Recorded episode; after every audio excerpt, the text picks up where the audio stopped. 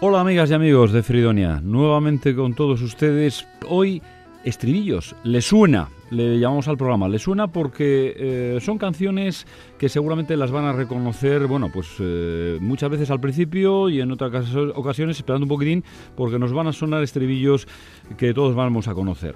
Vamos a arrancar por eh, una canción eh, cuyo nombre seguramente a, priori a muchos no la conozcan, Mac the Knife, pero en cuanto oigan el estribillo sin lugar a dudas la van a reconocer. En este caso tocada por uno de los grandes clarinetistas del, del cool jazz, Jimmy Jufrey. Jimmy Jufrey con Mac the Knife.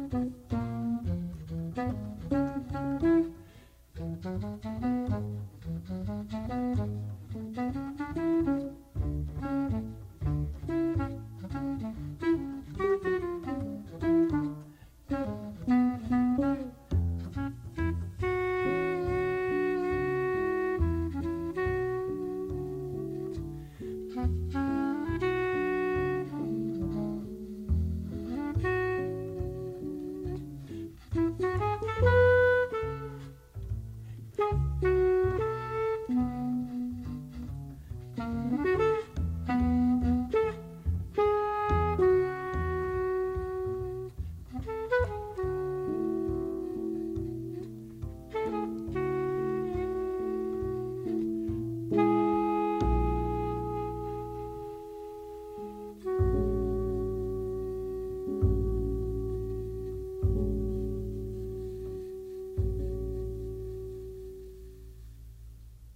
Que la conocían, Mac the Knife, eh, con Jimmy Jufrey en este caso. Bueno, son estándares, son canciones que fueron muchas de ellas eh, compuestas hace muchos años y que han tenido la oportunidad, bueno, pues de ser tocadas y, bueno, que nos hemos podido deleitar con muchos, a través de muchos músicos.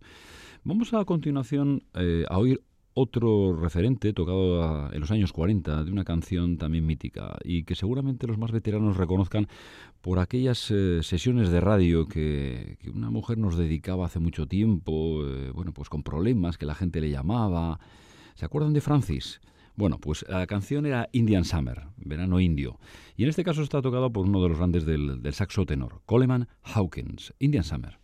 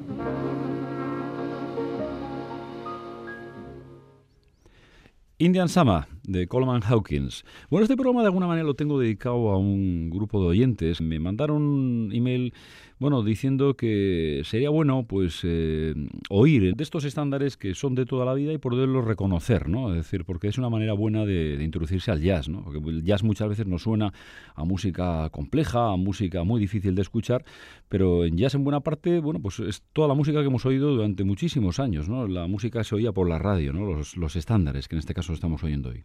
Y estándares ha habido también en la música clásica eh, y especialmente con estribillos que han sonado mucho en la ópera. ¿no?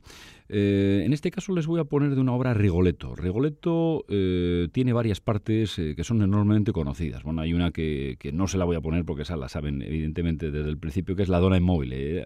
esta la sí que el mismo Verdi se dio cuenta Y, bueno, mm, se la dio la última a los músicos, porque sabía que si no, bueno, pues ellos mismos y, la gente que había por ahí, prácticamente lo único que, la gente iba a reconocer era esta, la dona móvil, ¿no? Pero bueno, hay otra parte bellísima, que la ópera además es muy habitual, que son quintetos, estetos, donde todos los personajes se juntan y cada uno parece que va a su bola cantando su trozo, pero bueno, todo engarza una armonía muy bella, ¿no? Bella filla del amor, ¿no? Bella hija del amor, ¿no? Está cantando de alguna manera dedicada a Regoleta, su hija, que es la, principal protagonista de este tema y bueno, pues el drama está por ahí, ¿no? En el amor, desamor.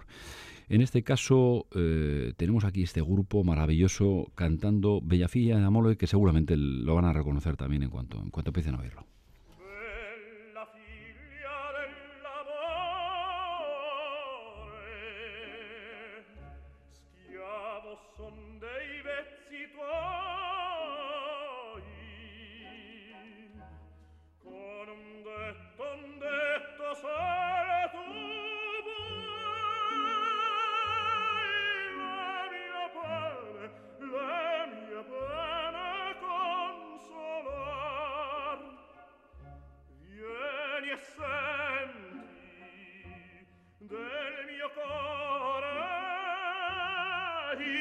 requiem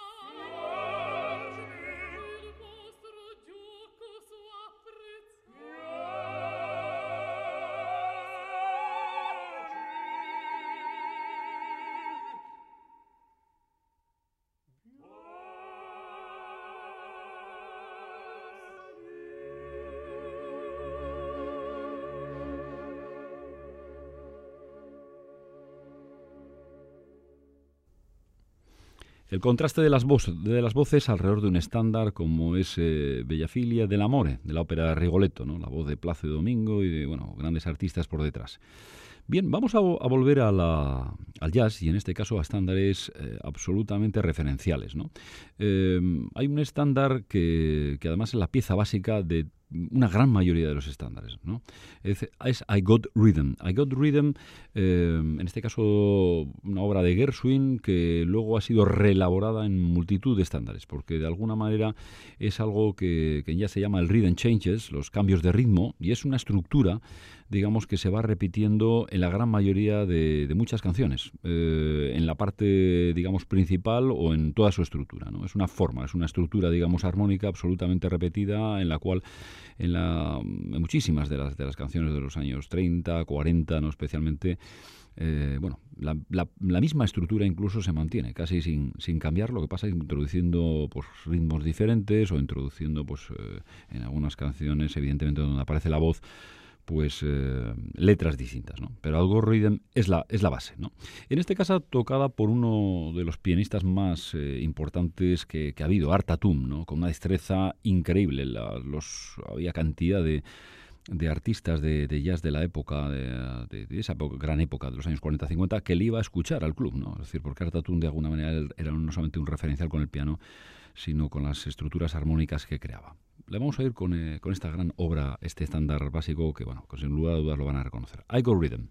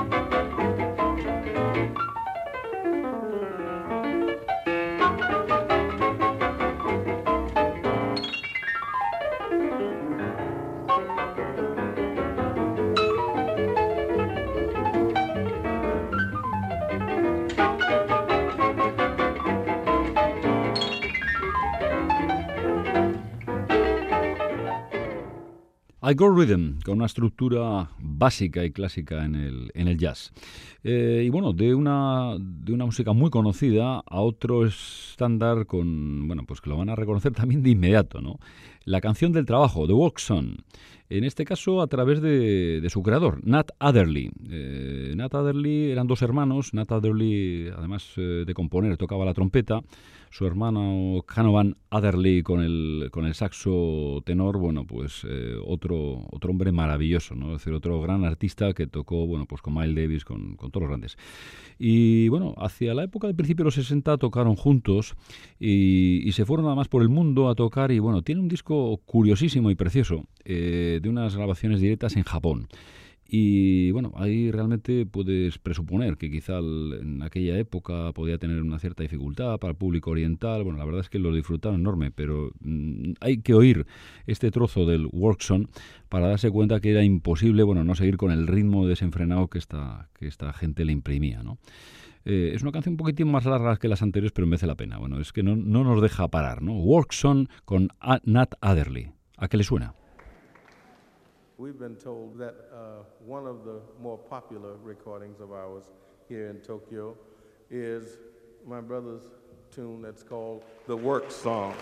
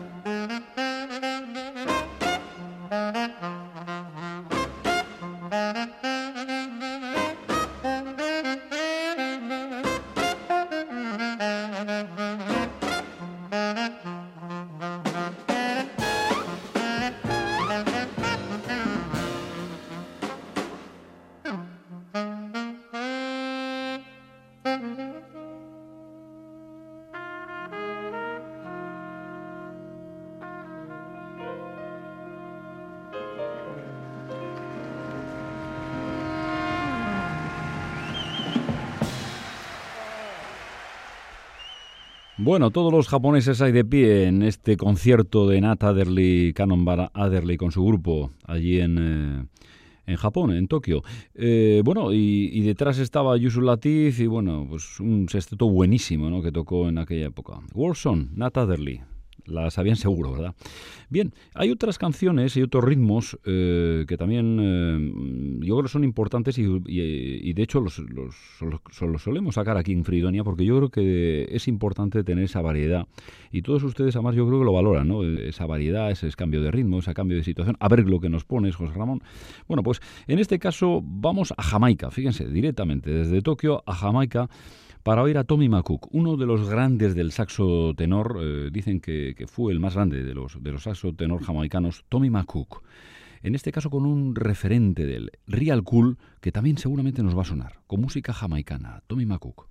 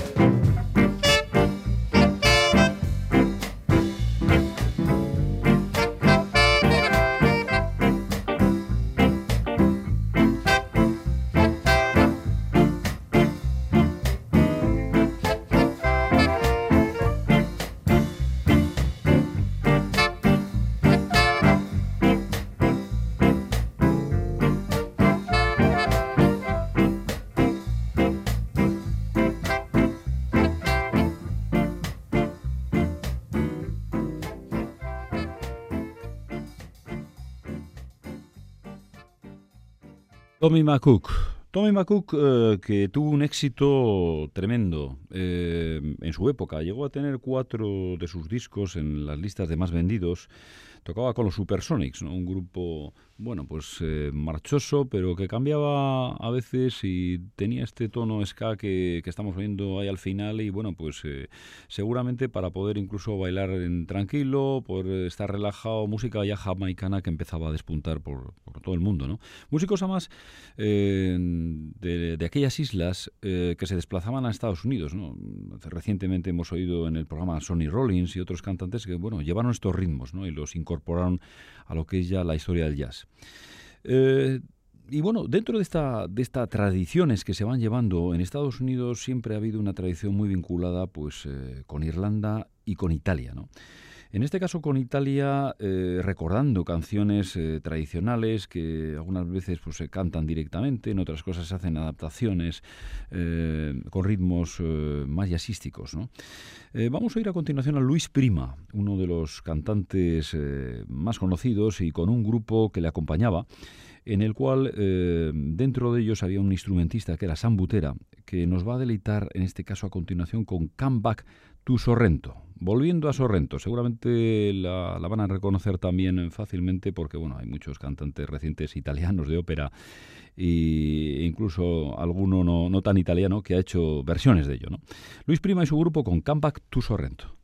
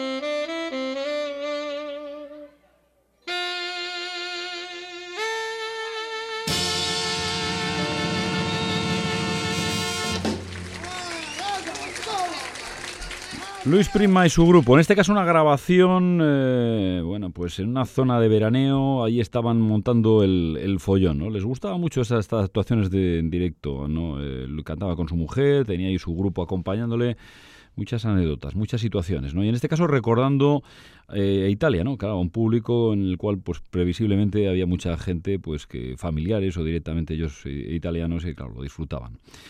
Eh, vamos a pasar a, otro, a otra canción que la van a reconocer inmediatamente. Es uno de los grandes estándares de jazz. Está versionada pues, eh, en mil eh, canciones y en mil oportunidades de oír, pero hoy tenemos la oportunidad de oír una, una cantante que no había estado hasta, hasta, ahora con nosotros en Fridonia, Dakota Staton. ¿no? tiene una, una, voz cálida y, va desgarrando esta canción. Es Misty. Misty, que es, bueno, pues de Errol Garner ha habido versiones, Artatum, que antes estábamos, bueno, yo creo que la, la versión a todo el mundo, ¿no? No ha habido artista que no haya tenido eh, algún tipo de versión eh, grabada o en directo de, de Misty, ¿no? Dakota Staton.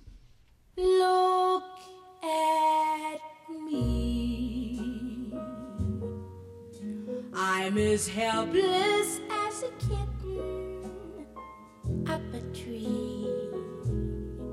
And I feel like I'm clinging to a cloud. I can't understand.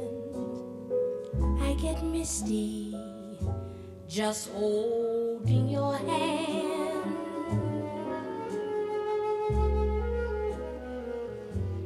Walk my way,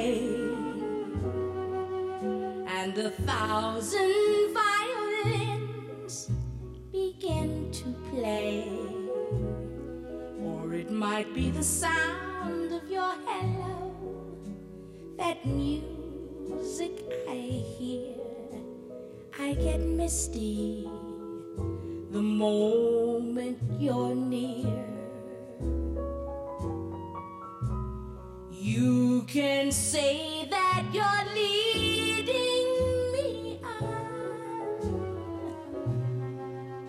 it's just what I want you to do.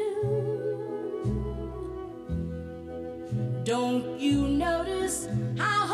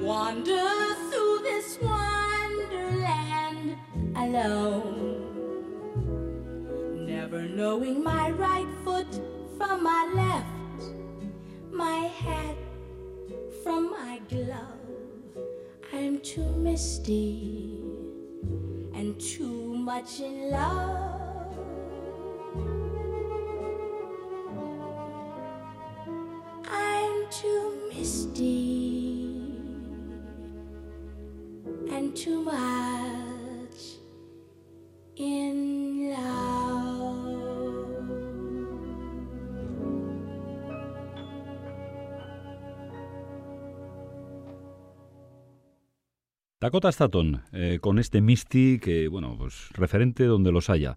Y de un referente a otro referente, Stella by Starlight, otro de los grandes estándares, y en este caso tocado por un saxofonista tenor eh, de los grandes también, Stan Getz. Stan Getz, eh, nacido en Estados Unidos, muerto en Estados Unidos, en, uno, en una costa y muerto en otra costa, ¿no? porque nació en Filadelfia y murió en, en las playas cercanas de, bueno, ahí en California. Eh, es un músico que además tuvo una trayectoria eh, variada, tocando mucho con música brasileña. Y tengo ahora un recordatorio porque él entró a, tocar con el grupo de Woody Herman eh, y, en, él estaba tocando al principio con Jimmy Jufrey, ¿no? que es el primero que les he puesto. Y Woody Herman, que era clarinetista, Jimmy Jufrey también clarinetista, dijo todo el grupo menos Jimmy Jufrey. ¿no? Y bueno, ahí estaba en Stan Getz, obviamente. ¿no? Jimmy Gurfi se quedó apartado y bueno, tampoco creo que le importaría mucho porque era un, excepcional clarinetista, para mi gusto mejor que Woody Herman, que era más de, Big Band. ¿no? Bueno, mm, vuelvo después de este, de esta pequeña trayectoria de rollo a Stan Getz. Stan Getz que en este caso... Mm, van a ver cómo, cómo traza este, este, este estándar, reconociéndolo en todo momento. Es un, es un improvisador que, que mantiene siempre la, melodía de la canción, pero la va adornando con una belleza tremenda. Stan Getz, Estela by Starlight.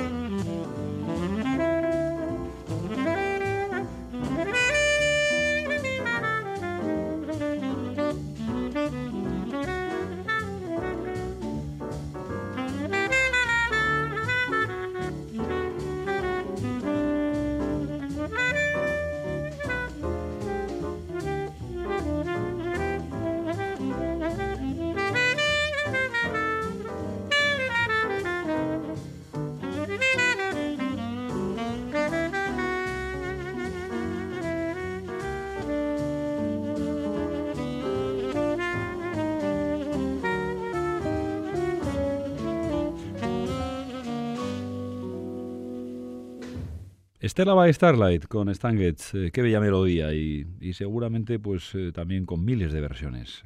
Bien, espero que todas estas melodías que han ido sonando les hayan sonado, les hayan recordado eh, y de alguna manera pues ven que el, que el jazz es algo eterno y, absolutamente variado. Vamos a cerrar con música clásica. Antes tocábamos un poco el punto de la, de la ópera y en este caso música clásica directa, ¿no? Y con una melodía que también pues eh, ha estado en miles de películas, ha estado en, eh, en cantidad, digamos, de, de, versiones también, porque es de esas melodías que se quedan en la cabeza. Es Caballería Ligera de Franz von Suppe, ¿no? ¿Se acuerdan del tacatán, tacatán, tacatán, tacatán, tacatán? Bueno, pues esto es. Esto es, bueno, una parte vamos a oír eh, seguramente no es la parte eh, tan directamente conocida, pero sí que de alguna manera es una parte que, todos los que hayan oído algo de, en este aspecto de música clásica, lo que nos hayan oído esta parte, pues fantástico porque es, es bellísima. Caballería Ligera, Fran Bonsupe. Eh, bueno, hasta el próximo día. Gracias aquí en Fridonia.